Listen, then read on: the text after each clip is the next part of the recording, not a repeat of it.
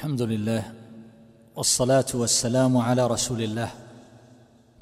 أما بعد فسلام الله عليكم ورحمته وبركاته.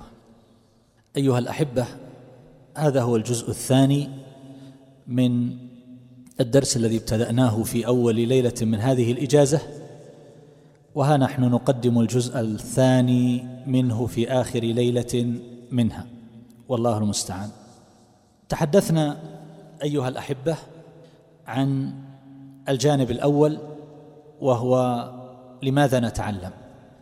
تحدثنا هنالك عن النية والقصد والإخلاص وتحدثنا أيضا عن العمل بالعلم. ثم تحدثنا عن الأمر الثاني وهو شروط التحصيل. وقلنا لا بد من تحديد الهدف يحدد الإنسان المطلوب. هل يريد أن يتخصص في العلوم الشرعية؟ أو يريد أن يلم بما تدعو إليه حاجته ويتعلق به العمل؟ كما تحدثنا أيضا عن جملة من هذه الشروط من عقل وذكاء وفطنة ورغبة واكتفاء وفراغ وطول مدة وملازمة أستاذ يحسن التعليم مع الصبر وعلو الهمة. ثم شرعنا في الأمر الثالث وهو ما يتعلق بالطريقة الصحيحة في التعلم والتعليم وتحدثت بشيء من الإسهاب عما بلينا به في كثير من الأحيان من طريقة عقيمة في التعليم وذلك بالتوسع الزائد وبشق الشعرة والشعيرة عند شرح المتون المختصرة التي وضعت للمبتدئين. وكان ابن عاشور رحمه الله يذكر في كتابه الذي ألفه في وقت مبكر من حياته حيث ابتدأ تأليفه حينما بلغ الرابعة والعشرين. وهو كتاب الرصين بالنظر إلى سن مؤلفه وفيه جملة من الفوائد مع أنه لا يخلو من ملحوظات وقضايا تحتاج إلى مناقشة. الحاصل أنه يقول بأنه على يقين بأنه لو أتيح له في فجر الشباب التشبع من قواعد نظام التعليم والتوجيه يقول لاقتصدت كثيرا من مواهبي ولاكتسبت جما من المعرفة ولسلمت من التطوح في طرائق تبين لي بعد حين الارتداد عنها. إلى آخر ما ذكر. ثم قال ومثل هذا ينطبق على الحال في الانتصاب للتعليم فقد تفضي الغفلة بالمعلم إلى الارتماء في مسالك قليلة الجدوى. توقع تلامذته في خطل أو فشل. وذكر أن هذا يعرض كثيرا للذين يتصدرون للتعليم في أول أمرهم حيث يكون عندهم من الحماسة والاندفاع ما يحملهم على أن يجلبوا في درسهم بكل ما لديهم. فيحصل بذلك إرهاق لأذهان المتعلمين وتشتت يقول ثم لا يلبث أن يستيقظ من بهجته تلك ويصير إلى وضع المقادير في نصابها. وذكر أن صديقه وهو الشيخ العلامة المعروف محمد الخضر حسين رحمه الله قال في مقالات له وقد كنت عافاكم الله ممن ابتلي في درسه باستجلاب المسائل المختلفة. يقول أتوكأ على أدنى مناسبة حتى أفضى الأمر إلى أن لا أتجاوز في الدرس شطر بيت من ألفية بن مالك. يقول لأدنى مناسبة أخرج وأتكلم بإسهاب عن مسائل جزئية وفرعية وقضايا لا علاقة لها أصلية بموضوع الدرس. يقول ثم أدركت أنها طريقة منحرفة المزاج عن الإنتاج. ابن عاشور رحمه الله يقول وأنا أيضا عرض لي مثل ذلك في تدريس المقدمة الأجرومية. فذكر أنه كان يأتي بتحقيقات من المطولات وبكلام موسع. فالشاهد أن حديثنا قد توقف عند هذا. واليوم أضيف إلى هذا الجانب وهو ما يتصل بالطريقة الصحيحة في التعلم والتعليم بالإضافة إلى ما ذكرته هناك أقول لا بد من التدرج. فالعلم درجات. فلا بد من سير صحيح ومنهج متبع يرشد إليه من عرف العلم. وحذقه وحصله وخبره. يقول ابن شهاب رحمه الله يوصي يونس ابن يزيد يا يونس لا تكابر العلم فإن العلم أودية. فأيها أخذت فيه قطع بك قبل أن تبلغه. ولكن خذه مع الأيام والليالي ولا تأخذ العلم جملة فإن من رام أخذه جملة ذهب عنه جملة ولكن الشيء بعد الشيء مع الأيام والليالي. وهذا معنى قرره أهل العلم وعباراتهم في ذلك كثيرة. كقول حافظ المغرب الإمام ابن عبد البر رحمه الله طلب العلم درجات ومناقل ورتب. لا ينبغي تعديها. ومن تعداها جملة فقد تعدى سبيل السلف رحمهم الله. ومن تعدى سبيلهم عامدا ضل ومن تعداه مجتهدا زل. وهكذا الماوردي رحمه الله يقول بأن للعلم أوائل تؤدي إلى أواخرها ومداخل تفضي إلى حقائقها. فليبتدئ طالب العلم بأوائلها لينتهي إلى أواخرها وبمداخلها ليفضي إلى حقائقها ولا يطلب الآخر قبل الأول ولا الحقيقة قبل المدخل فلا يدرك الآخر ولا يعرف الحقيقة لأن البناء على غير أس لا يبنى والثمر من غير غرس لا يجنى. وهكذا أيضا تجد لابن خلدون رحمه الله كلاما طويلا مفصلا في هذه القضية. وخلاصة ما ذكر أنه يرى أن العلم لا بد أن يجري وأن يسير في ثلاث مراحل. الأولى دراسة المسائل الأساسية من كل باب وتشرح على سبيل الإجمال مع مراعاة استعداد المتعلم. يقول هنا تحصل ملكة جزئية.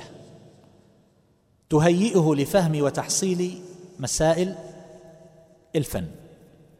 ولهذا تجد العلماء رحمهم الله كتبوا للمبتدئين كتبا فيها جمل من مسائل الأبواب وهي المسائل الأساسية دون التوسع والدخول في التفصيلات. ولهذا فإن من الجناية على الطلاب وعلى العلم أن يتوسع في هذه الجمل حتى يتحول ذلك إلى شيء من المطولات. فهذا خطأ. انظر إلى كتاب الورقات مثلا. من الخطأ أن نأتي بشرح مختصر الروضة للطوفي أو ما في شرح مختصر التحرير أو ما في كتاب البحر المحيط للزركشي. وهذه الكتب الثلاثة من أوسع كتب الكتب المصنفة في أصول الفقه. ثم يؤتى به في شرح الورقات. والمرحلة الثانية التي يقترحها ابن خلدون رحمه الله هو أن يدرس هذا العلم مرة ثانية مع الخروج عن الإجمال في الشرح إلى شيء من الاستيفاء مع ذكر الخلاف ووجهه فتجود ملكته. يعني العلماء رحمهم الله يقولون في المرحلة الأولى يدرس العلم على قول واحد.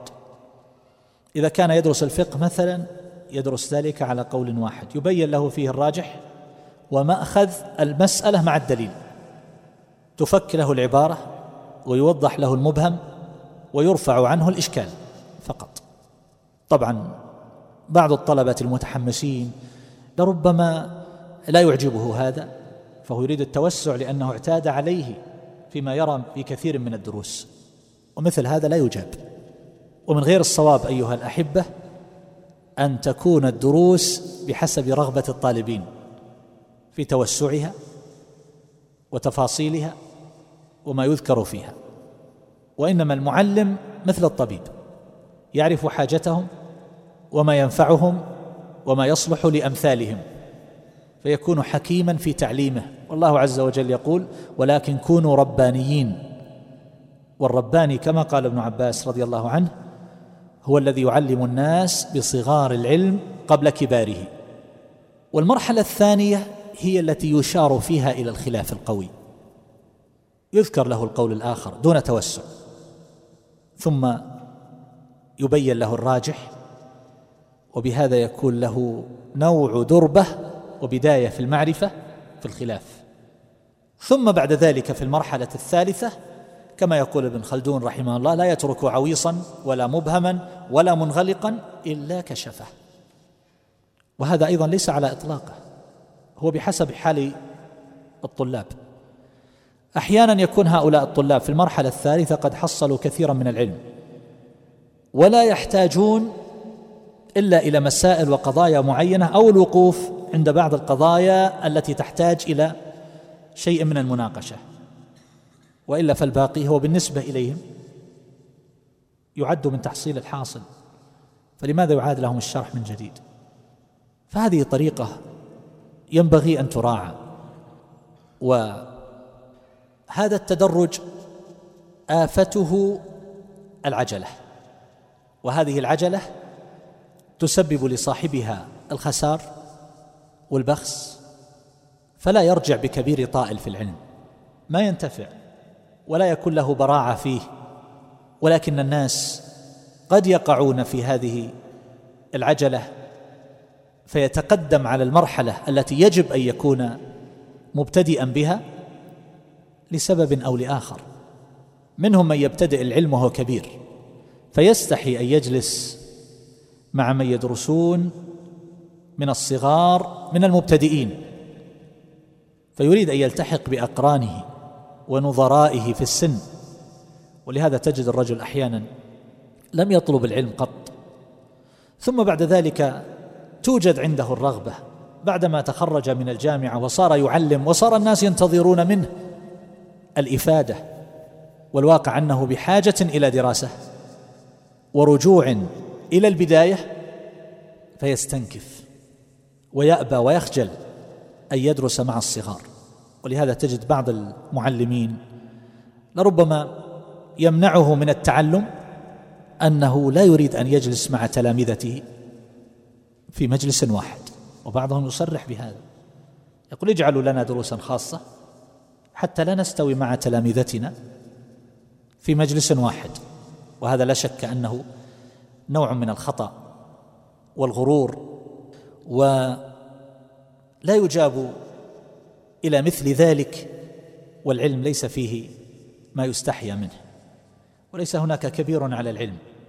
والإنسان إنما يكون مقداره بحسب ما عنده من التحصيل. والله عز وجل قد جعل الناس على رتب ودرجات وقد قيل من رق وجهه رق علمه. والخليل ابن أحمد الفراهيدي رحمه الله يقول يرتع الجهل بين الحياء والكبر في العلم. فهذا قد جمع بين كبر وحياء. وأحيانا لربما ينتقل الإنسان ويقفز لأنه لربما يعجب بشيخ يدرس للطلاب المتقدمين فيريد أن يلتحق به. ولربما فعل ذلك لأن له رفقاء قد بلغوا تلك المرتبة فأراد أن يرافقهم في العلم. ولربما فعل ذلك لأنه يريد أن يختصر مراتب التعلم ودرجات التعليم يختصر هذا السلم الذي يطول. فيقول بدلا من أن أدرس في المرحلة الأولى ثم في المرحلة الثانية ثم في المرحلة الثالثة فأبدأ في المرحلة الثالثة مرة واحدة. فهذا مثل الإنسان الذي دخل في المرحلة الابتدائية ويقول لماذا الابتدائي ثم المتوسط ثم الثانوي؟ اذهبوا بي إلى الثانوية مرة واحدة. فهل هذا لو ذهبوا به إلى الثانوية ودرس عندهم النحو والرياضيات والكيمياء والأدب وما أشبه ذلك هل يتعلم؟ هل يفهم؟ لا يحصل شيئا. فالعلوم الشرعية هكذا أيضا حينما نتحدث عن مراتبها ودرجاتها ومناقلها والنفوس أحيانا يكون فيها شيء من العلل والأدواء ربما يريد الإنسان أن يترأس وقد قال أحدهم حينما قرأ في ترجمة لبعض أهل العلم أنه جلس للإفتاء حينما بلغ الحادية والعشرين. فقال أنا مستعد أن أضاعف الجهد بدلا من أن أقرأ أربع ساعات في النحو اثنا عشر ساعة وأبدأ بألفية بن مالك. وهو لم يقرأ قبل ذلك شيئا. هل أستطيع خلال دراسة هذه العلوم في نحو أربع سنوات أن أجلس للإفتاء؟ فهذه نية مختلة منذ البداية. فأحيانا يستعجل الإنسان لقصد فاسد. وهكذا أيضا قد يستعجل لأنه مشغول ليس عنده وقت فهو موظف في شركة لا يرجع إلى بيته إلا بعد غروب الشمس مثلا. أو لأن عنده من العيال أو التجارة أو الأشغال أو الهموم ما يستبطئ معه المدة. فيقول نلتحق بالمرحلة النهائية ثم بعد ذلك يكون ما يكون. وهذه لا شك هذه الأشغال والهموم لا شك أنها من المعيقات التي تحصل للإنسان. وقد قيل الهم قيد الحواس. وقالوا من بلغ أشده لاقى من العيش أشده. ومن الحكمة تفقهوا قبل أن تسودوا وقد قيل الشغل مجهده والفراغ مفسده. وربما شح الزمان بما سمح وظن بما منح. وقد سمع الأحنف بن قيس رحمه الله رجلا يقول الحكمة المعروفة وهو التعلم في الصغر كالنقش على الحجر. فقال له الكبير أكثر عقلا ولكنه أشغل قلبا. وهذا صحيح لأن الكبير له من الإدراك والفهم والحذق ما ليس للصغير ولكن الهموم والأشغال وتفرق القلب هو الذي يعوقه عن كثير من العلم. بعد ذلك أقول إذا تقرر أنه لا بد من التدرج فبماذا نبدأ؟ ينبغي أن يلاحظ هنا حينما نقرأ كلام العلماء رحمهم الله فيما يبدأ به أنهم يتكلمون عن زمانهم وفي زمانهم كان التعليم اختياريا. كثير من الناس لا يتعلمون ولا يقرؤون وإنما مباشرة يذهب إلى فلاحة أو صناعة أو لربما بقي حبيسا في بيته. فالذين يذهبون إلى التعليم الذي يمكن أن يسمى في عصرنا هذا بالتعليم الابتدائي هم أولئك الذين يذهبون إلى الكتاب. والمدارس قليلة. ولربما لا تتسع للناس لو توجه المجتمع بأكمله إليها. في البلد الواحد لربما تعد ثلاث مدارس. إذا كان ذلك البلد من البلاد التي تزدهر بالعلم والعلماء. فوجود الكتاتيب في ذلك الزمان كان يلبي بعض الحاجات في وقتهم. عند من يتوجه إليها مع مراعاة ما ذكر أن كثيرا من الناس لا يتوجهون حتى إلى الكتاتيب. فالذين يذهبون إلى الكتاتيب يتعلمون القرآن بالدرجة الأولى. ولربما تعلموا القراءة والكتابة فإن ارتقوا درجة تعلموا مبادئ الحساب. وغالبا لا يتعلمون ذلك. هذا أمر لا بد من مراعاته. فالعلماء رحمهم الله حينما يقولون أول ما يبدأ به هم يتحدثون عن أناس جاءوا لم يتعلموا شيئا. أما نحن الآن فالتعليم عندنا تعليم إلزامي. يدرس الإنسان منذ نعومة أظفاره. قبل بلوغه السابعة لربما درس سنتين يتعلم فيها القراءة والكتابة. وما إلى ذلك ثم بعد ذلك يتعلم ست سنين يتعلم فيها مبادئ في العلوم. سواء كان ذلك في القرآن أو في العربية أو في العلوم الطبيعية والرياضية كل ذلك يتعلمه من وقت مبكر. ثم تأتي مراحل المرحله المتوسطة والمرحلة الثانوية. فهذه إثنى عشرة سنة. ينبغي أن لا تلغى من حساباتنا حينما نتحدث عن مراحل التعليم وأول ما يبدأ به. فحينما نتحدث عن شاب في المرحلة الثانوية مثلا أو في ما بعد المرحلة الثانوية أو نحو ذلك لا ننظر إلى هذا الإنسان على أنه جاء ولم يحصل شيئا جاء من الصحراء. درس. وتعلم أشياء في العقيدة وفي غيرها. فالعلماء رحمهم الله يقولون يبدأ بالقرآن كما يقول النووي ثم يحفظ في كل فن مختصرا ويبدأ بالأهم. طيب يبدأ بالقرآن. لكن هذا من هو الذي يبدأ بالقرآن؟ إذا جاءنا شاب صغير نقول له احفظ القرآن الآن التحق بحلقة. لكن إذا جاءك شخص متخرج من الجامعة وقال أنا ما أتممت حفظ القرآن وأريد أن أتعلم الفقه والعقيدة ونحو ذلك نقول ارجع احفظ القرآن اولا. هذا يصعب مطالبة الناس به.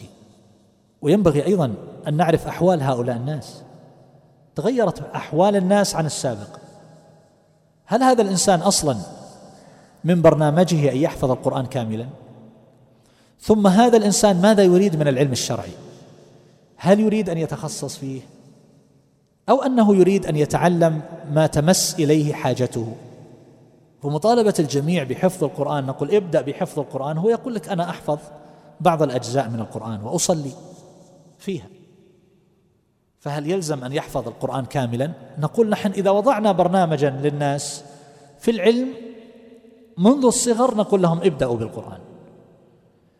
وننصح الناس بهذا ونرشدهم إليه. لكن هل هذا من شرط؟ الطلب؟ الجواب لا. فالشاهد أن هذا من الذي يطالب به؟ يطالب به الصغير ويطالب به من كانت له همة في حفظ المتون العلمية. نقول له الأولى والأحرى بك. قبل أن تشتغل بحفظ المتون أن تحفظ القرآن. احفظ القرآن اولا ثم بعد ذلك احفظ متنا في كل علم. وهذا المتن الذي يحفظه ينبغي أن يكون للإنسان أيضا تصور وبرنامج واضح محدد المعالم وهذا يحتاج إلى مرشد وموجه. مثلا المتون العلمية كثيرة منها المختصرة ومنها المتوسطة ومنها المتقدمة على المراتب الثلاث.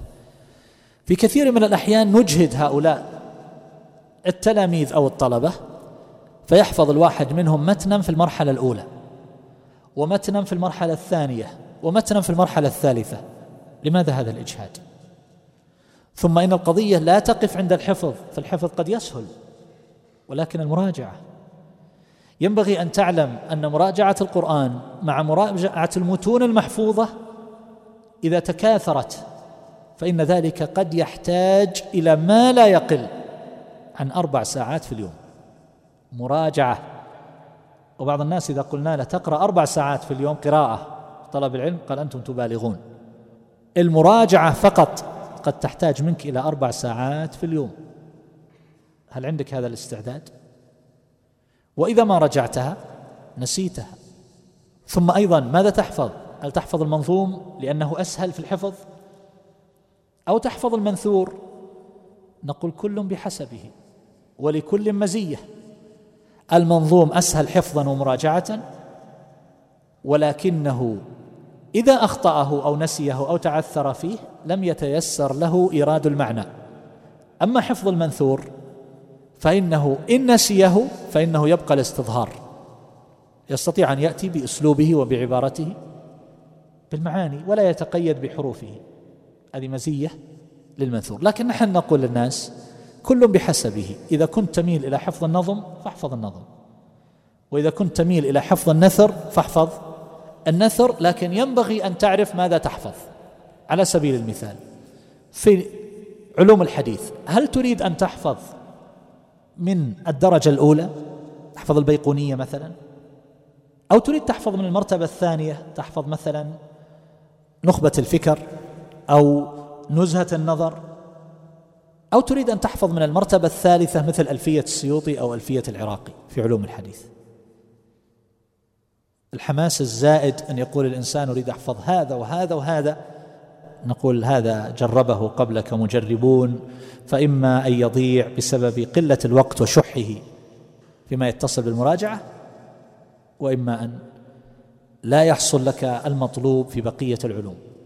فحدد منذ البداية ولهذا أقول للإخوان في الدورة المنهجية لحفظ المتون أقول لهم ما تلزمون أحدا بشيء. قد لا يريد أن يحفظ كل المتون في المرحلة الأولى يختار لا بأس. يقول أنا لا أريد أن أحفظ. الأجرومية الآن. أنا أريد أن أدخر حفظي في النحو في الألفية ولا أريد أن أحفظ ملحة الإعراب. لا بأس.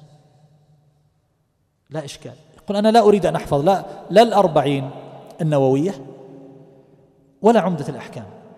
أريد أن أحفظ بلوغ المرأة لا إشكال.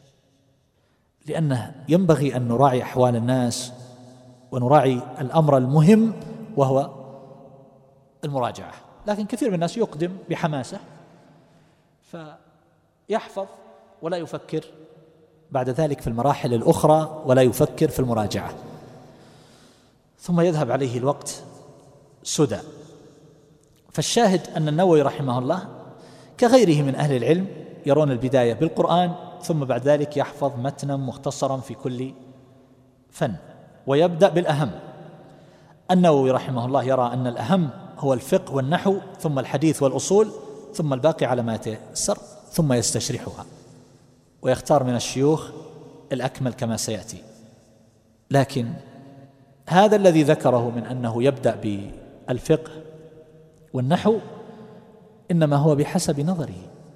وهذا ذكره جمع من أهل العلم لا سيما في الفقه ولكن المتخصص في فن من الفنون غالبا يدور حول فنه. ولذلك تجد المتخصص في الحديث يقول يبدأ بالحديث والمتخصص بالتفسير يقول يبدأ بتفسير القرآن وهكذا. على كل حال فالنووي رحمه الله يرى أنه يفعل ذلك ويستشرح هذه المتون ثم يطالع بعد ذلك الكتب الأوسع ويعلق ما يراه من النفائس والفوائد مما قرأ أو سمع. فإذا كملت أهليته اشتغل بعد ذلك بالتصنيف.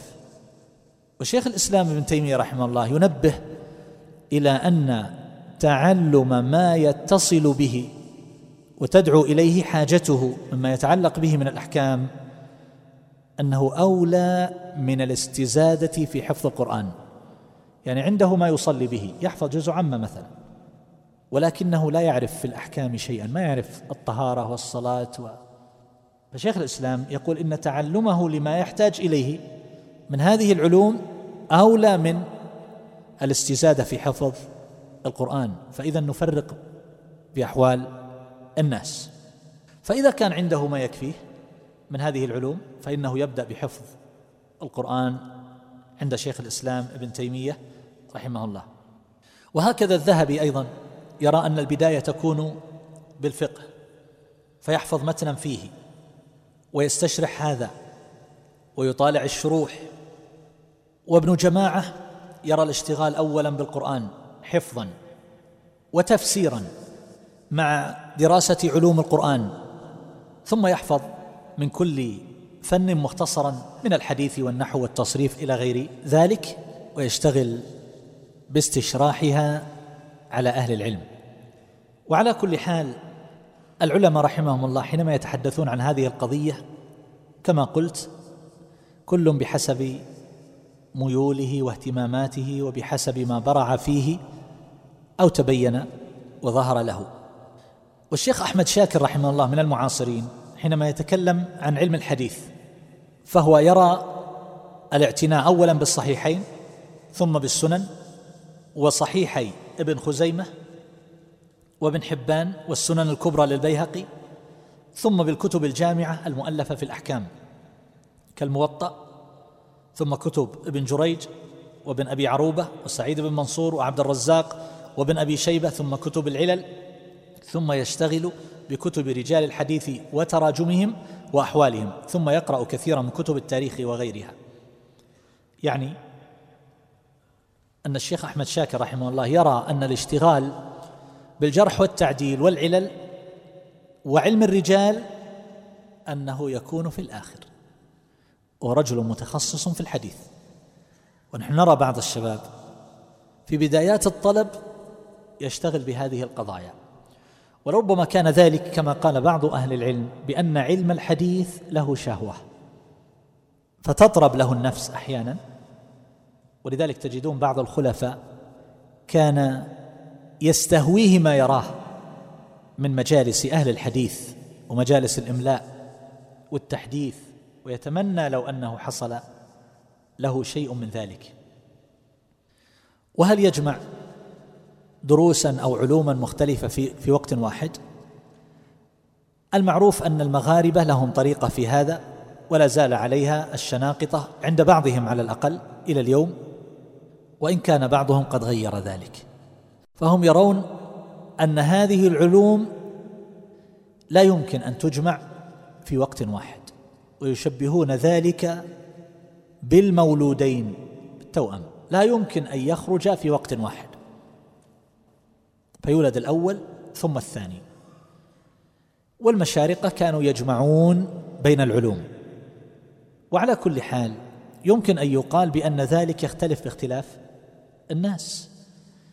بحسب أوقاتهم وبحسب قدرهم وإمكاناتهم فمن الناس من لا يتيسر له. أن يجمع بين علوم مختلفة فيقف على فن واحد فإذا انتهى منه فإنه يدرس الفن الآخر. ولكن الأمور أحيانا قد لا تساعده على ذلك. هذا طالب ذهب إلى الجامعة وجاء في منطقة فيها دروس كثيرة فيها عالم يدرس علوما مختلفة قال أنا سأقتصر على فن واحد. طيب والباقي؟ هذا الفن الواحد لربما عند هذا العالم ما ينتهي إلا بعد عشر سنين أو أكثر. بقية العلوم. فلماذا تهدر هذه الأوقات؟ باقي الوقت ماذا تفعل به؟ ولذلك نقول لبعض الشباب إذا جاء يسأل أحيانا يقول أنا أريد أن أشتغل بالقرآن. قيل لي لا تشتغل بغير القرآن. نقول كم تشتغل بالقرآن؟ يقول في مدة لا تتجاوز الساعتين. نقول طيب ساعتان من أربع وعشرين ساعة. كم بقي؟ اثنتان وعشرون ساعة. أين تذهب؟ لا تشتغل بغير القرآن. فكثير من الناس أخذوا بهذه المقولة فذهبت عليهم سنوات وفاتهم علم كثير. ولذلك أقول أحيانا يوجد لدى الإنسان من يعلمه بهذه الطريقة. يقتصر على فن واحد ويسير به شيئا فشيئا. فهذا لا إشكال. ولكن في الغالب لا يتيسر له مثل هذا فماذا يصنع الإنسان؟ نقول يدرس بحسب طاقته وبحسب ما يتاح له من الوقت والإمكان. ولهذا النووي رحمه الله كان يقرأ في كل يوم اثني عشر درسا على مشايخه شرحا وتصحيحا. فهو متفرغ للعلم ليس عنده ما يشغله. والناس اليوم في دراساتهم في الجامعة مثلا كم يدرسون من محاضرة في اليوم الواحد؟ يدرسون خمس محاضرات.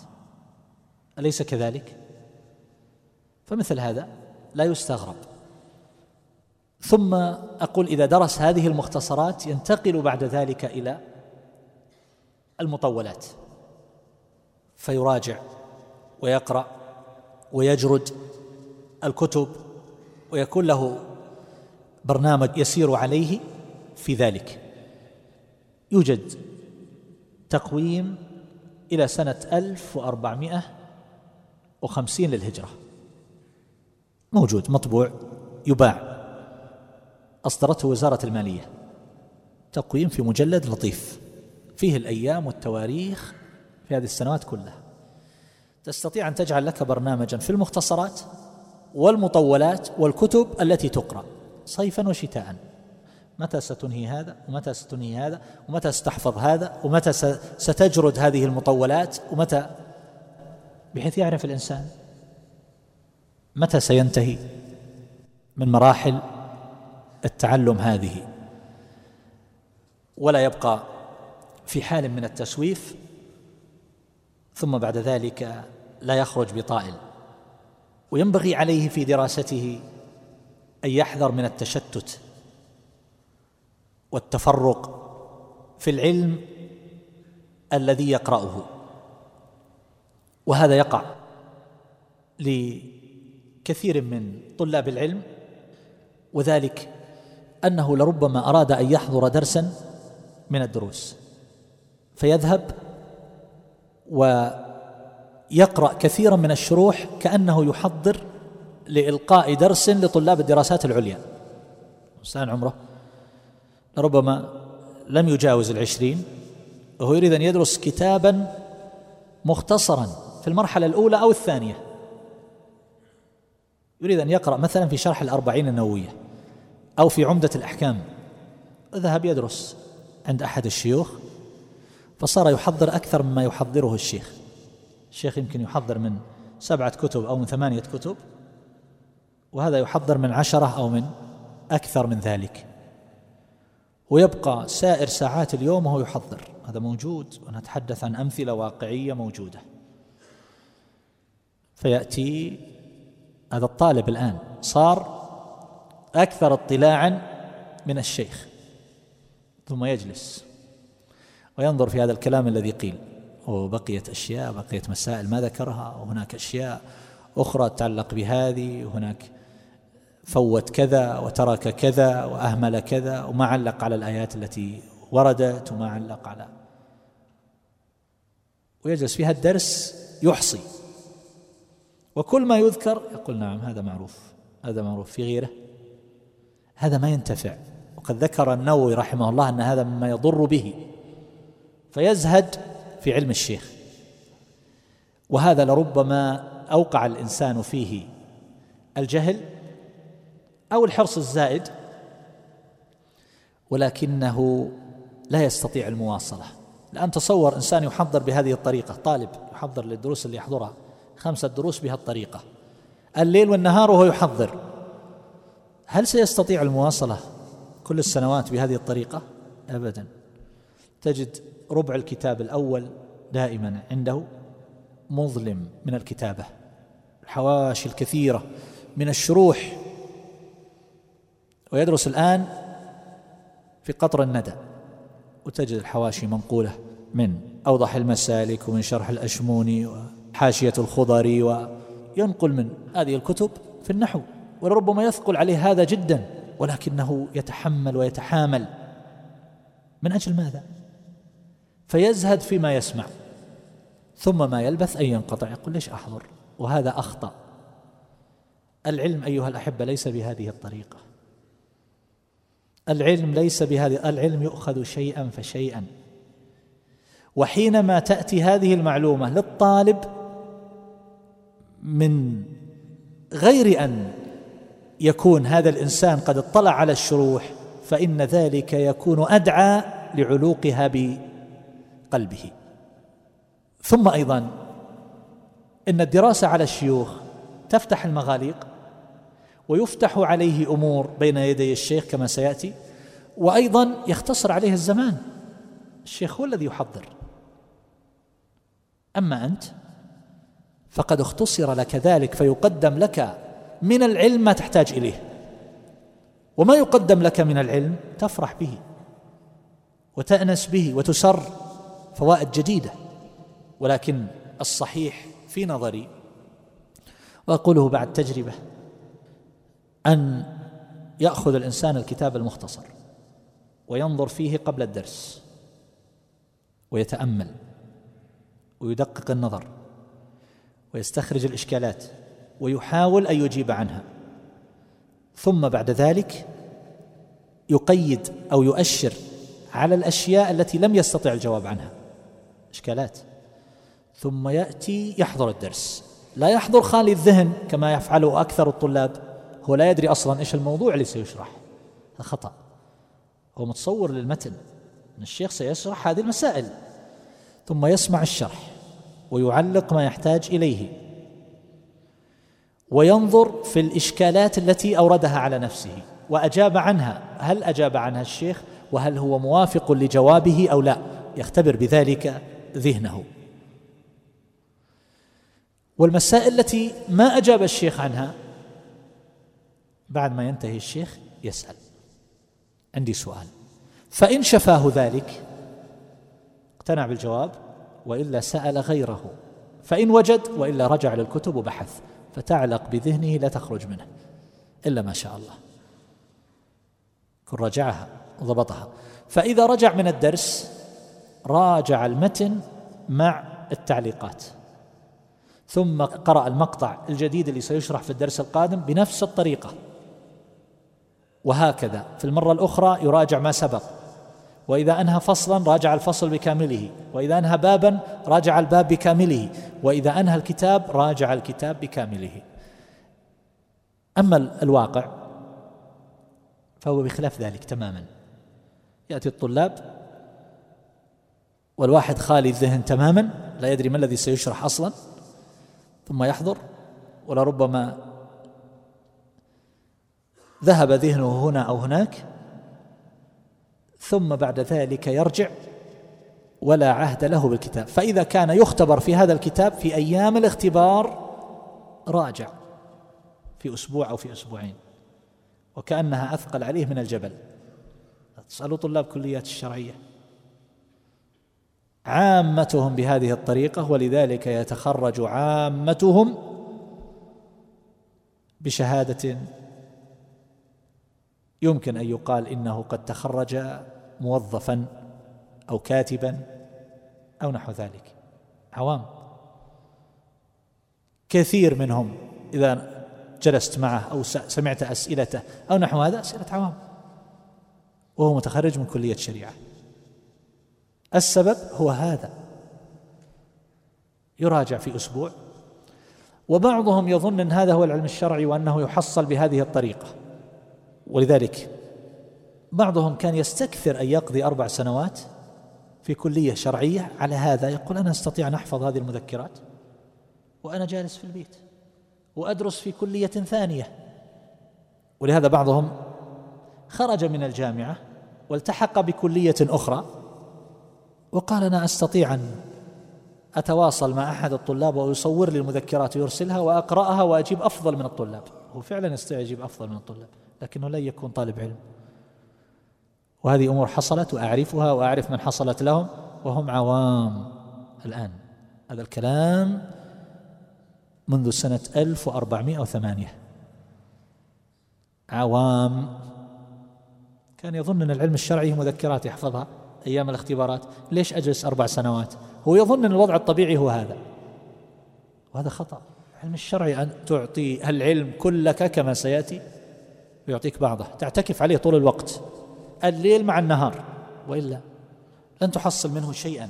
على كل حال لا ينتقل من كتاب حتى يتقنه. الشيخ محمد بن قاسم رحمه الله لو قرأتم في بعض ما كتب أو ما كتب عنه كان يكتب كل ما يذكره الشيخ محمد بن إبراهيم رحمه الله. يقول كنت أقيد كل شيء حتى كان يكتب أن الشيخ توقف هنا هنيها. يقول وكان الشيخ يسمع صريف قلمي فيتمهل أو يتوقف حتى أنتهي. يقول ولم أكتب شيئا إلا وقد فهمته. أما نحن لأننا نأخذ العلم بالجملة فتأتي أشياء كثيرة في العلم لربما ليست جمل وإنما هي من قبيل الفصول أحيانا بكاملها والأبواب وما فهمناها. تقول باب العلة في القياس. الوصف المناسب. يقول لك هذه أستاذ يدرس أصول الفقه يسأله أحد الطلاب عن مسألة يقول لا لا. خذها قاعدة. اسألنا عما ندرس. هم يدرسون بعض الأبواب ويتابعون على دراستها. وباقي الأبواب لا تسأل الشيخ عن الأبواب الأخرى. ويتحدث طبعا عن أمثاله. المفروض أن هذا الإنسان متخصص في أصول الفقه أن يكون قد فهم هذا العلم وحفظه وضبطه. على كل حال كتب كاتبون كثير فيما يدرس من الكتب وكيف يتدرج الإنسان فيها. والذي أظنه أقرب والله تعالى أعلم أن الإنسان أنه لا يصلح أن نجعل للناس برنامجا موحدا للجميع لأنهم يتفاوتون. يتفاوتون في فهمهم وفي خلفيتهم العلمية ونحو ذلك. يعني كما قلت يعني حينما نأتي لأناس نقول في العقيدة لماذا نغفل أنهم في الواقع في دراستهم في الابتدائي والمتوسط والثانوي درسوا كتاب الأصول الثلاثة القواعد الأربع وكتاب التوحيد أليس كذلك؟ حينما ننظر إلى الفقه نجد أنهم درسوا في العبادات والمعاملات إلى المرحلة الثانوية أليس كذلك؟ ولربما درسوا في المرحلة الثانوية أو في تحفيظ القرآن لربما درسوا شيئا من مصطلح الحديث أو لربما أصول الفقه. وهكذا في الحديث درسوا أشياء. فلا يحسن أن نجعل برنامجا للجميع بطريقة موحدة. لكن يمكن أن نقول على سبيل المثال مثلا في التفسير لو أراد الإنسان أن يدرس دراسة تخصصية يقول أنا أريد أن أدرس دراسة تخصصية. نقول على سبيل المثال ابدأ في البداية بغريب القرآن. خذ كتابا مثل المعجم الجامع في مفردات غريب القرآن للسيروان. جمع أربعة كتب مهمة واقرأ القرآن في ختمة في شهر وكل كلمة تلتبس عليك ارجع إليها. واضبط الغريب. ثم اقرأ التفسير الميسر طبعا المجمع ثم بعد ذلك يمكن أن تقرأ تفسير السعدي ثم بعد ذلك تقرأ مختصر تفسير ابن كثير له المصباح المنير الذي أشرف عليه المبارك فوري أو تقرأ مختصر الشيخ أحمد شاكر له عمده التفسير. ثم بعد ذلك طبعا هذه قراءة. قراءة. ونحن لما نقرأ التفسير مرة واحدة معنى ذلك أنه سيحفظ؟ ابدا. وإنما إذا من أراد أن يكون له بصر في التفسير فيحتاج أن يدرس ذلك على أحد ممن يميز في هذا الفن. وهكذا في سائر العلوم. في علوم القرآن مثلا ممكن يبدأ الإنسان بكتاب أصول التفسير للشيخ ابن عثيمين رحمه الله. هو كتاب في علوم القرآن.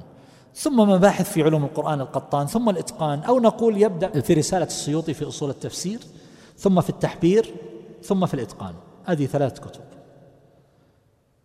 ومن درسها فقد لا يحتاج إلى غيرها. وهكذا حينما يدرس أصول التفسير يمكن الإنسان أن يبدأ بعد ما درس هذه الكتب في علوم القرآن يستطيع أن يدرس في مقدمة شيخ الإسلام ابن تيمية رحمه الله ويدرس كتاب فصول في أصول التفسير. في الفقه حسب حال الإنسان إنسان آه، ناس في في في الأقليات الإسلامية مثلا أو إنسان صغير نريد أن نعلمه مبادئ الفقه ما درس في بلاده الفقه؟ نقول ممكن يبدأ بكتاب نور البصائر والألباب في معرفة الفقه بأقرب الطرق وأيسر الأسباب السعدي رحمه الله. إذا أو نبدأ به في كتاب منهج السالكين. لكن إنسان درس في المراحل التعليمية عندنا. نقول نبدأ به مباشرة في كتاب العمدة في الفقه أو في كتاب دليل الطالب أو في كتاب زاد المستقنع. ثم في المرحلة الثانية يمكن أن يدرس كتاب المقنع أو كتاب الروض المربع. ثم الكافي ثم المغني بالطريقة التي ذكرت في التعليم. في أصول الفقه يمكن أن يبدأ بالورقات أو الأصول من علم أصول الشيخ العثيمين رحمه الله ثم بكتاب قواعد الأصول ومعاقد الفصول ثم روضة الناظر ثم بعد ذلك يستطيع أن يدرس المستصفى والآمدي وغير ذلك من الكتب.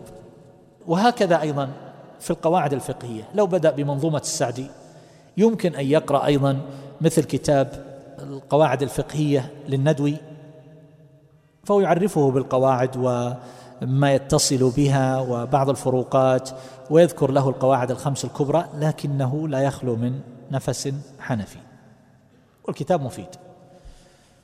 وهكذا كتاب القواعد والأصول الجامعة ثم بعد ذلك القواعد للبورنو مثلا ثم بعد ذلك يستطيع أن يدرس آه، مثل كتاب الأشباه والنظائر للسيوطي أو لغيره. وهكذا في الحديث يبدأ بالأربعين مثلا ثم في عمدة الأحكام ثم في البلوغ أو المحرر ثم في المنتقى. وفي كتب الحديث يبدأ بالصحيحين كما سبق ثم بالسنن إلى آخره. في علوم الحديث يمكن أن يبدأ بالتذكرة لابن الملقن أو بالبيقونية كل بحسب حاله. إذا كان عنده شيء من الخلفية لا يحتاج أن يبدأ بهذين. يبدأ مباشرة بالنخبة مثلا ثم بالنزهة أو الموقظة ثم الألفية للسيوطي أو للعراقي. آه، في النحو يمكن أن يبدأ بالأجرومية أو النحو الواضح. إذا كان عنده استفاد من دراسته في المراحل التعليمية الثلاث فإنه لا يحتاج أن يبدأ بالأجرومية إنما يمكن أن يبدأ بالملحة أو قطر الندى ثم بعد ذلك شذور الذهب وهو قريب من القطر. ثم بعد ذلك بالألفية. وإذا أراد أن يتوسع فعنده مجال للتوسع. في العقيدة يمكن أن يبدأ بالأصول الثلاثة كتاب التوحيد. لكن إذا كان يقول هذه الأشياء أنا درستها وفهمتها في مراحل التعليم وحصلتها نقول له عندك الواسطية والحموية ثم الطحاوية ثم التدمرية ثم بعد ذلك تستطيع أن تتوسع في الكتب الأخرى. وبعض هذه الكتب يغني عن بعض. يعني أراد إنسان أن يقول أن أدرس معارج القبول معارج القبول يغنيه عن ما يحتاج إلى دراسة آه، مثلا الطحوية مع التوحيد مع الواسطية. يعني نحن كثرة التأليف كما قال آه، ابن خلدون رحمه الله هي من المعوقات عن التحصيل. فلو أراد أن يستغرق العمر في دراسة فن واحد ما استطاع من كثرة هذه الكتب. فالمقصود أن, أن هذا يختلف باختلاف الناس. أنا رأيت بعض من كتب وقد نصحت بعض المشايخ أو بعض طلبة العلم ألا يكتب. ممن كتبوا وأخرجوا ذلك في كتاب ألا يكتب لأن هذا يختلف في اختلاف الناس. ولا تزال الكتب يخرج كتب أحيانا نقول هذا أفضل لو تعلم الناس في هذا كان أسهل وأنفع وهكذا. فالشاهد أن هذه لا تقال للجميع أن يبدأ الجميع بهذه الطريقة وإنما كل بحسبه. الناس يتفاوتون. وليس الإنسان مقيدا بدراسة كتاب ويختلف هذا أيضا في بحسب البلدان. كان الإنسان يدرس في بلد على مذهب المالكية أو الشافعية أو نحو ذلك. ما نأتي كما يفعل بعض الإخوان ويضع له كتابا في الفقه الحنبلي ويضع لهم كتابا في قواعد الفقه آه، لمؤلف من الحنابلة وفي حتى أصول الفقه مع أن طريقة فيها طريقة معروف طريقة الأحناف وطريقة الشافعية والطريقة التي جمعت بين الطريقتين. لكن أيضا مهما استطعنا أن ندرس بشيء يكون أكثر انسجاما في المنظومة التعليمية فهو أفضل. لغير المتخصصين أقول ليس بلازم أن نأتي نقول ادرس الأصول الثلاثة وادرس كتاب التوحيد وادرس لا. ممكن الإنسان يقرأ سلسلة الدكتور عمر الأشقر في العقيدة أو السلسلة التي كتبها الشيخ محمد الحمد مثلا. سهلة وميسرة. في الفقه يمكن أن يدرس الإنسان كتاب الملخص الفقهي للفوزان أو يقرأ من كتاب فقه السنة للسيد سابق في الحديث يمكن أن يقرأ من كتاب مثلا شرح جوامع الأخبار للسعدي. يمكن أن يقرأ من شرح رياض الصالحين للشيخ العثيمين رحمه الله ويقرأ من شرح الشيخ العثيمين رحمه الله للأربعين النووية. في النحو يمكن أن يقرأ في كتاب وضع للموظفين وللمشغولين اسمه التذكرة في قواعد اللغة العربية للباشا. هذا كتاب جميل وسهل وإن كان رتبه على طريقة غير معهودة لكنه كتاب جيد. حتى فيه تمرينات وفيه جمل رددها يقول بصوت مرتفع عدة مرات من أجل تحصيل شيء من الملكة في اللسان البلاغة والبيان ونحو ذلك. جمل جميلة وحكم جاء بها ومشكولة. وفيه أيضا تجد قل ولا تقل. فهو كتاب جيد كتبه للمشغولين. فما نأتي لهؤلاء؟ ممكن نقول لهؤلاء اقرأوا كتاب النحو الواضح للجارم. أما نقول تعالوا لابد تدرسون الأجرومية ثم قطر الندى أو الملحة هذا كلام غير صحيح. في أصول الفقه يمكن أن يقرأوا في الواضح في أصول الفقه. مثلا من أجل أن يطلع يعرف ما هي أصول الفقه وليس ذلك بلازم. يمكن أن يستغنوا عن في علوم الحديث مثلا يمكن أن يقرأوا في كتاب من الكتب البيقونية مثلا يدرسونه أو كتاب ابن الملقن. في علوم القرآن يمكن أن يقرأ كتاب مباحث في علوم القرآن للقطان. في التفسير يمكن أن يقرأ التفسير الميسر طبع المجمع أو تفسير السعدي. على كل حال هي وجهات نظر والناس يتفاوتون وقد جربنا وحاولنا. حاولنا أن يكون في كل فن أن نكتب للمتخصصين فيه. فاخترنا سبعة تقريبا في كل فن ممن عرفوا بالتمهر في الفن. قلنا لهم اكتبوا لنا الدرجات الثلاث في هذا الفن. نريد برنامج يخرج علماء. بعضهم اقترح علينا مذكرات وبعضهم قال اكتبوا اللي يكتبونه ورونا إياه. وبعضهم كتب. فلما قارنا الكتابات التي وجدت في جدول وجدنا أن بعضهم يضع هذا الكتاب في المرحلة الأولى والآخر يضعه في المرحلة رقم ثلاثة. فما استفدنا من تلك الكتابات شيئا. كنا نريد أن نضع برنامج ينزل في الإنترنت ويوزع ويقام منه برنامج عملي في التعليم. ويقال هذا كتبه نخبة في كل فن من أهل الاختصاص سبعة تقريبا. ولكن ما خرجنا بنتيجة. كل واحد له رأي. وبهذا تعرف أن هذه المسألة تقديرية تختلف فيها وجهات النظر. ومن هنا أقول أن الكتابة في هذا هي تبقى وجهة نظر عند صاحبها. قد يغير رأيه بعد حين. ولذلك الذي لاحظته يعني أنا أقول الذي يكتب يعني هل درس هذه جميعا في البلاغة والنحو وعرف كتب الفن في النحو وفي الأصول وفي البلاغة وفي التجويد وفي مصطلح الحديث؟ درس هذه الكتب حتى يقول هذا هو الأفضل في مادته وأسلوبه؟ كيف يستطيع يقول هذا؟ يصعب أن يأتي إنسان ويقول أنا درست هذه الأشياء ودرست غيرها واخترتها من بين كتب الفن في كل فن. يمكن يتكلم عن تخصصه لكن يتكلم عن جميع التخصصات. ولهذا رأيت بعض من يكتب يضع الكتاب كما قلت في المستوى الأول وبعضهم يضعه في المستوى الثاني. كتاب قواعد التفسير بعضهم وضعه في المستوى الأول وبعضهم وضعه في المستوى الثالث. كتاب مناهل العرفان للزرقاني. ليس لي تحقيق في مناهل العرفان للزرقاني. دراسة تقويمية لمناهل العرفان. بعضهم كاتب مناهل العرفان للزرقاني في المستوى الثالث تحقيق السبت. لا حققته ولا شيء. هذا يدل على على ماذا؟ على أنه ما قرأه. أليس كذلك؟ لو قرأه ما كتب هذا الكلام. ولذلك لا يحسن بالإنسان أن يتطفل على الفنون ويأتي ويقول في كل فن أنا أوجه وأرشد ويقرأ هذا في الفن الفلاني واقرأوا هذا واقرأوا هذا. إنما يترك هذا لأهل الاختصاص وأهل الاختصاص كما قلت لكم أيضا يختلفون. رابعا بين التخصص والموسوعية. الشعبي رحمه الله يقول العلم أكثر من أن يحصى فخذ من كل شيء أحسنه. ولهذا يقول الخليل بن أحمد الفراهيدي رحمه الله إذا أردت أن تكون عالما فاقصد لفن من العلم وإن أردت أن تكون أديبا يعني كما نقول اليوم مثقفا فخذ من كل شيء أحسنه. يعني يقمش من العلوم ولا يكون محققا في علم منها. وهكذا أبو عبيد القاسم بن سلام رحمه الله كان يقول ما ناظرني رجل قط وكان معنيا في العلوم إلا غلبته ولا ناظرني رجل ذو فن واحد إلا غلبني في علمه ذلك. وكانوا يقولون بأنه لا يمكن كما يقول أبو حيان يقول لا يمكن أن يبلغ الإمامة في العلم. من كان من ينظر في الفنون المختلفة يعني قد فرق جهده على العلوم المختلفة. يريد أن أن يكون محصلا في الفقه وفي الأصول وفي التفسير وفي الحديث وفي غير ذلك. طبعا كما يقولون ازدحام العلوم مظلة للفهوم مع أنه وجد من توسع في العلوم ونبغ في كثير منها. الأعمش مثلا يقول كان مجاهد لا يسمع بأعجوبة إلا ذهب لينظر إليها.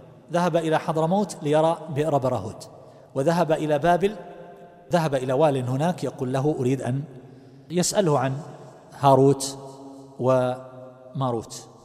وكان الدار قطني رحمه الله. إذا ذكر شيء من العلم وجد عنده منه نصيب وافر. ذكر الأكلة في يوم من الأيام.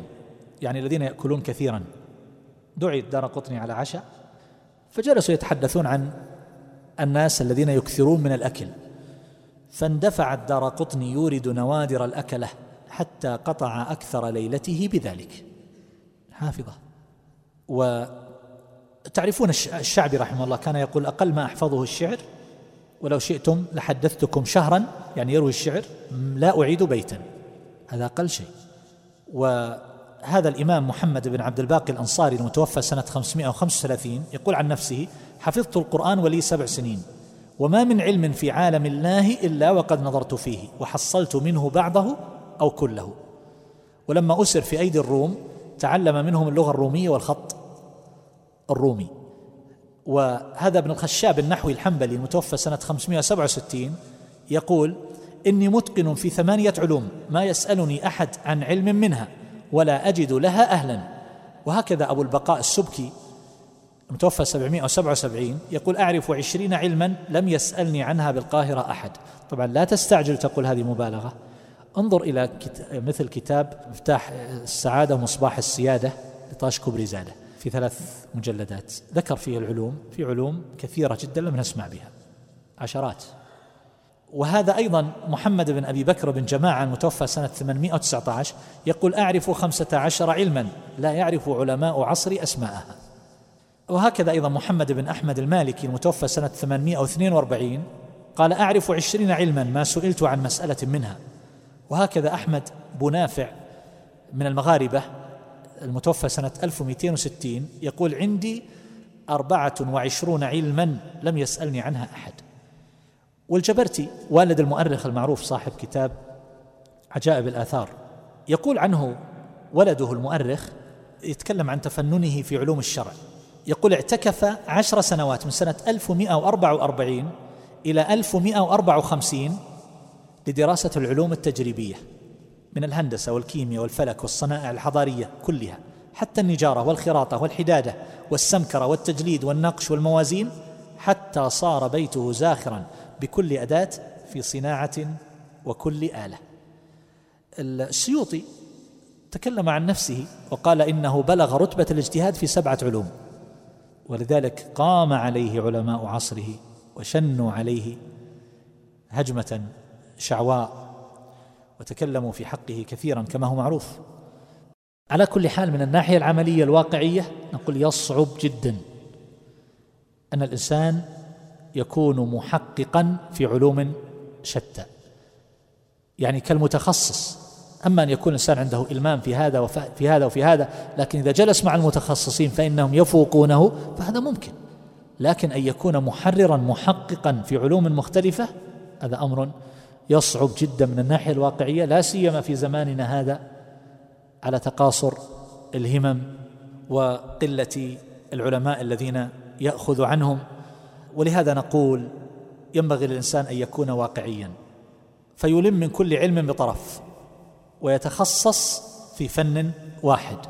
وهذا كما يقول بعض الظرفاء من المصريين يقول خذ من كل شيء شيئا ومن شيء كل شيء. خذ من كل شيء شيئا. يعني خذ من كل علم بطرف بحيث يرفع عنك الأمية في هذا العلم. كما قال يحيى بن مجاهد الزاهد كنت آخذ من كل علم طرفا. فإن سماع الإنسان قوم يتحدثون وهو لا يدري ما يقولون أو لا يدري ما يقول هو غمة عظيمة. وابن الجوزي رحمه الله يذكر بعض أحوال المشتغلين بالعلم ممن لا دراية لهم بغير فنهم. يقول أدركنا من قرأ الحديث ستين سنة فدخل عليه رجل فسأله عن مسألة في الصلاة فلم يدري ما يقول. وأدركنا من برع في علوم الفقه فكان إذا سئل عن حديث لا يدري ما يقول. وأدركنا من برع في علم التفسير فقال له رجل يوما إني أدركت ركعة من صلاة الجمعة. فأضفت إليها أخرى فما تقول؟ فسبه ولامه على تخلفه. ليش تأخر عن صلاة الجمعة؟ ولم يدري ما الجواب. يقول أدركنا من برع في علوم القراءات فكان إذا سئل عن مسائله يقول عليك بفلان. هذا أمر لا يحسن ولا يجمل بالعالم. وهذا موجود. تجد الإنسان متخصص مثلا في أصول الفقه يذكر الأحاديث الضعيفة. وإذا سئل عن مسألة فقهية تجد لا بصر له إطلاقا هو من العامة في الفقه. هذا أمر لا يحسن. وهكذا تجد المتخصص بالتفسير لا يعرف يخرج حديثا ولا يميز بين الصحيح والضعيف. وهذا أمر لا يليق. وإنما يكون عنده شيء من البصر في العلوم المختلفة ولكنه يتخصص في علم أو في علمين كل بحسب ما أعطاه الله عز وجل من القدرات. نحن نشاهد في عصرنا الحاضر من العلماء من برع في أكثر من علم. يعني لو نظرت الشيخ محمد الأمين الشنقيطي رحمه الله في علوم العربية في التفسير في أصول الفقه وله مشاركة قوية وجيدة في الفقه وفي الحديث وفي علوم أخرى كالمنطق وغيره. هذا موجود. ابن عاشور رحمه الله تكلم على سبب الإقبال على الدراسة الموسوعية يريد أن يكون عالما في كل فن. وله في ذلك وجهة نظر. هو يرى أنه لما دخلت الفلسفة على المسلمين وعلوم العلوم الفلسفية مترابطة وأنه لما أقبل عليها من أقبل كالغزالي وأمثال الغزالي يقول تأثروا بذلك وأرادوا نقله إلى العلوم الشرعية فأرادوا محاكاة ما عرفوه بالفلسفة. فصار الواحد منهم يريد أن يكون محققا في علوم شتى. فتجد العالم يقول يريد أن يكون فقيها اصوليا نحويا اديبا شاعرا. يقول بهذه الطريقة اضمحلت صفة الاختصاص العلمي والإمامة في علم معين. يقول إن هذا أضر العلم بانصراف طلبته عن تحقيق العلوم حتى إن من يكون في طبعه الميل إلى التحقيق إذا جمع بين التحقيق والمشاركة توزعت مواهبه لأنه يطلب المشاركة والبحث في جميعها وبالضرورة يقتنع من كل علم يعني بشيء قليل. لا يكون به محررا ولا محققا. وإذا أراد الإنسان أن يتخصص طبعا هذا التخصص ما يأتي في البداية. هو كما قلنا يدرس متنا مختصرا في كل فن. لكن هل يحتاج أن يدرس في النحو ثلاثة كتب وفي المصطلح ثلاثة كتب وفي الأصول ثلاثة كتب على مستويات مختلفة؟ الجواب لا. إذا أراد أن يتخصص طبعا مرحلة التخصص عندنا لو نظرتم إلى الكليات الشرعية مثلا تجد عندنا كلية أصول الدين تعنى بأصول الدين قرآن وعلومه الحديث وعلومه والعقيدة.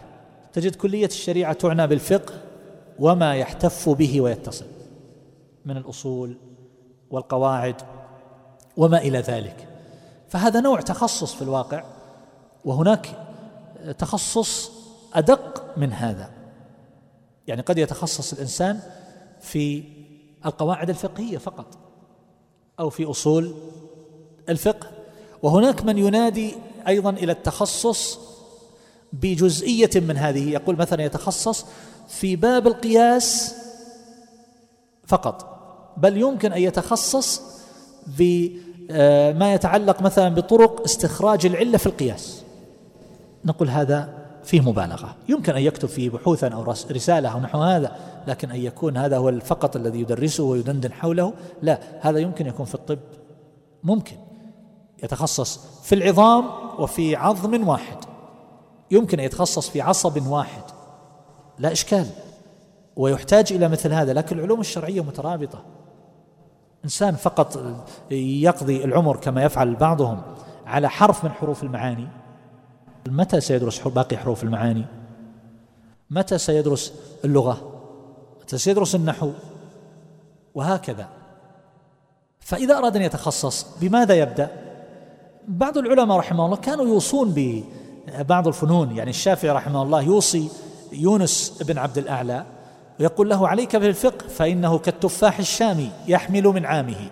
بمعنى أن الفقه إذا درست مسائل بمجرد ما تدرس المسائل مباشرة صار عندك بصر فيها تعرف أن حكم هذا كذا وحكم هذا كذا لكن حينما تريد أن تدرس أصول الفقه أو تدرس التفسير أو تدرس العلوم هذه تحتاج مدة طويلة حتى يظهر أثرها بعد حين.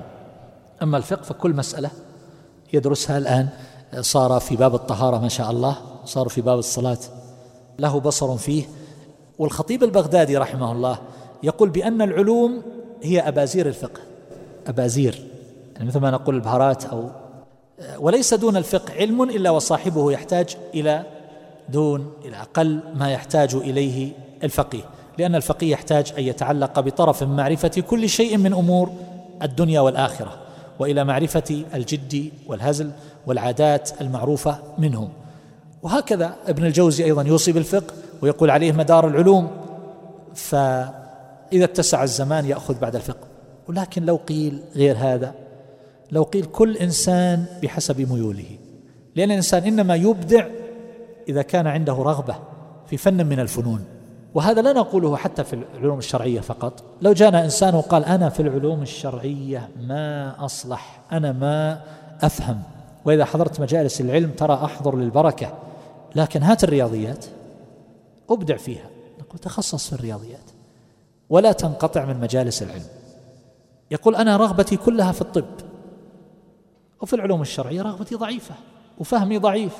نقول له ادرس الطب ولا تنقطع من العلم الشرعي لكن لا تحلم أحلام اليقظة أنك ستكون عالما بالعلوم الشرعية. لا لا يمكن هذا.